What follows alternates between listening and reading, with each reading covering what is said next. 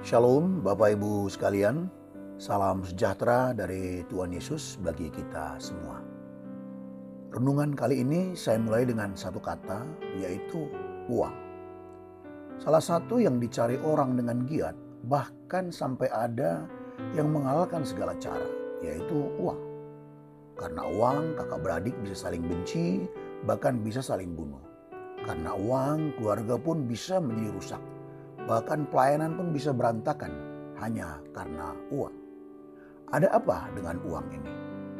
Sebagai orang percaya, bagaimana kita menyikapi uang ini? Nah, saudaraku, agar kita cakap menyikapi uang, mari kita mempelajari uh, apa itu uang. Yang pertama, sesungguhnya uang itu adalah temuan manusia. Manusialah yang menemukan uang. Kita bersyukur manusia bisa menemukan uang ini untuk menjadi alat tukar. Ya, akhirnya manusia sepakat menjadikan uang itu berharga. Manusia sepakat menjadikan uang itu bernilai. Manusia di seluruh dunia, ya, membuat uang itu menjadi bernilai dan mempercayakan uang sebagai hal yang bernilai untuk menjadi alat tukar atau alat transaksi dan juga bisa untuk investasi dan lain sebagainya. Jadi uang itu bernilai karena kita manusia yang sepakat membuatnya bernilai. Bahkan nilainya kita yang membuatnya. Ya, ada yang 100 ribu warna merah, warna biru kita beri nilai dia 50 ribu dan lain sebagainya. Akhirnya uang menjadi daya pikat, memiliki pesona yang kuat. Pengkhotbah 10 ayat 19 berkata, uang memungkinkan semuanya. Money answers all things dalam terjemahan bahasa Inggrisnya. Betapa powerfulnya, betapa memikatnya uang itu. Jadi kita harus paham ya bahwa uang itu adalah teman manusia yang kita sepakatin bernilai. Yang kedua, uang itu netral. Artinya apa? Tidak ada yang salah, dia hanya benda, ya, hanya benda. Jadi tidak ada yang salah dengan uang. Oleh karena itu kita tidak boleh alergi, tidak boleh juga merasa tabu kalau bicara uang. Ya, kalau bicara uang bukan berarti orang tersebut seorang yang matre. Nah yang ketiga saudaraku, sifat uang. Uang itu pun punya sifat. Apa sifat daripada uang itu? Saudaraku, uang itu sifatnya itu adalah tak tentu. Ya, dari mana saya bisa mengatakan demikian? Itu Alkitab sendiri yang mencatat demikian. 1 Timotius 6 ayat 17 berkata, jangan berharap pada sesuatu yang tak tentu seperti kekayaan. Kekayaan ditempel dengan satu kata sifat yaitu sesuatu yang tak tentu.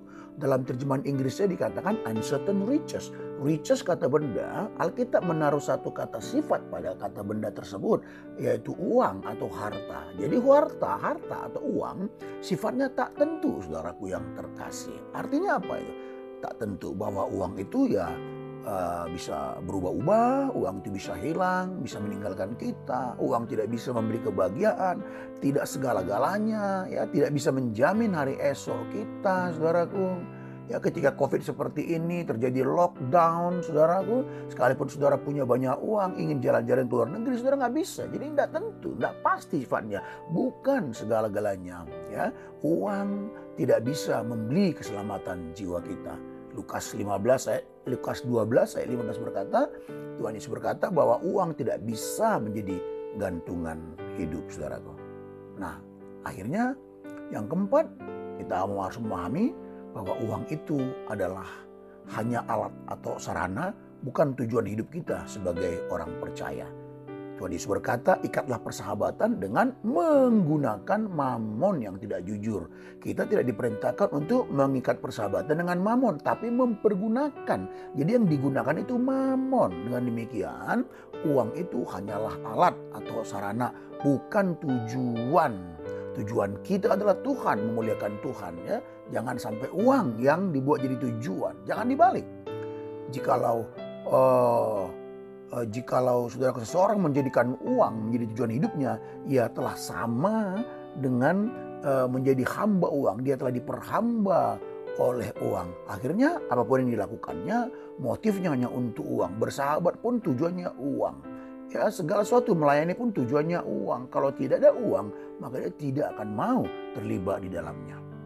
Nah, saudaraku, kita butuh uang, tetapi uang jangan menjadi tujuan hidup kita ya.